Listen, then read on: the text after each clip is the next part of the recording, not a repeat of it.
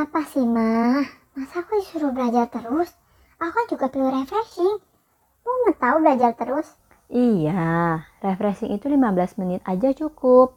Boleh kalau mau main mau as atau apalah itu. Tapi kalau dari siang sampai sekarang masih main terus, itu bukan refreshing namanya. Itu sudah adiksi. 1 Korintus pasal 6 ayat 12 berkata, Segala sesuatu halal bagiku, tapi bukan semuanya berguna. Segala sesuatu halal bagiku, tetapi aku tidak mau membiarkan diriku diperhamba oleh apa pun. Sebenarnya, jadi orang Kristen boleh nggak sih main games, nonton drama Korea, atau boleh ini dan itu? Hmm, boleh saja kalau itu berguna dan tidak memperhamba kita. Kalau itu sudah mulai mengambil banyak waktu, tenaga, dan uang kita yang sebenarnya bisa saja loh kita pergunakan untuk membaca firman, berdoa, belajar, atau bekerja. Nah, itu bisa jadi kita udah diperhamba oleh yang kita sebut hobi atau refreshing itu. Hati-hati ya.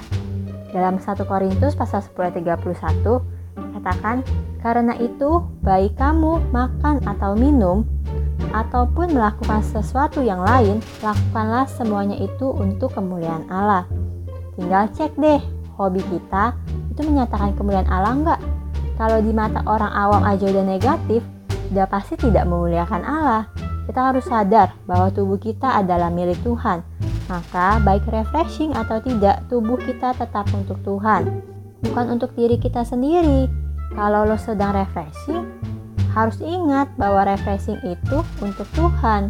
Begitupun juga kalau kita tidak refreshing. Baik ada maupun tidak, prinsipnya sama, yaitu tidak merusak tubuh kita.